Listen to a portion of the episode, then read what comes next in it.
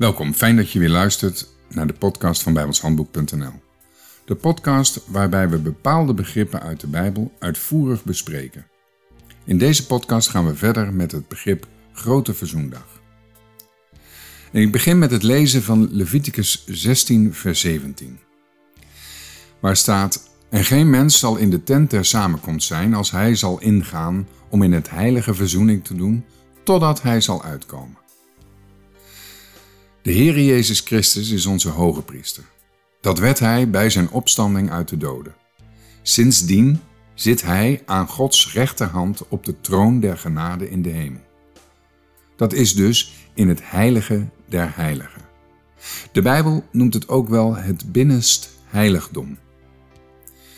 Christus, de hoge priester, is daar niet één dag in het jaar, maar alle dagen sinds zijn verheerlijking en hij is daar nu nog steeds. Vanaf het moment dat hij daar inging, is het dus Grote Verzoendag, totdat hij zal uitkomen. En zolang het Grote Verzoendag is, mag er geen dienst gedaan worden in het heilige. Sinds die dag mag men dus niet meer dienen onder het oude verbond. Logisch ook, want vanaf dat moment is er een ander verbond gekomen, namelijk het nieuwe verbond. Onder dat nieuwe verbond gelden niet de wetten van Mozes, maar de wetten van Christus. Ik lees Handelingen 15, vers 10. Nu dan, wat verzoekt gij God om een juk op de hals der discipelen te leggen, het welk nog onze vaders, nog wij hebben kunnen dragen. Dat juk is de wet van Mozes.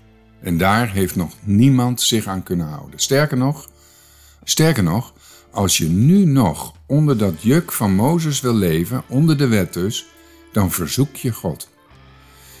Heel veel mensen proberen volgens die wet te leven en zeggen dat ze dat doen uit dankbaarheid voor de Heer. Kun je je voorstellen hoe blij God daarmee is?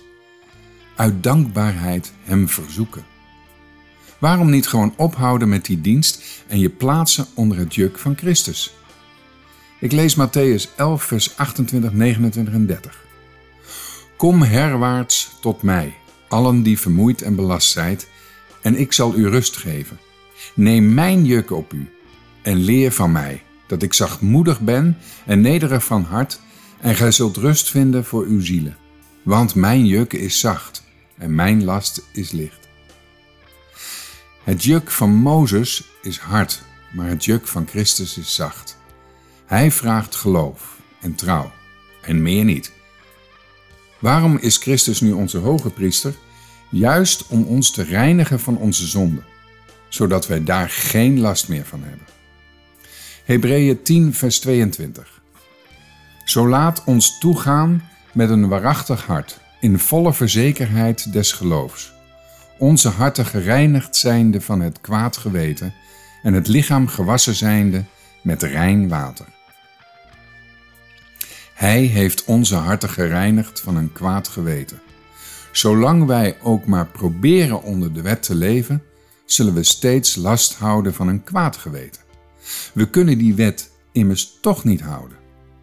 In plaats van proberen te doen wat in de wet staat, kunnen we beter geloven wat in de wet staat. Die wet overdenken en onderzoeken wat de wet te zeggen heeft over Christus. Daar gaat de wet van Mozes namelijk over. Dat zie je bijvoorbeeld aan de gebeurtenissen op Grote Verzoendag. Het werd pas echt Grote Verzoendag toen onze Heere inging in het binnenste heiligdom.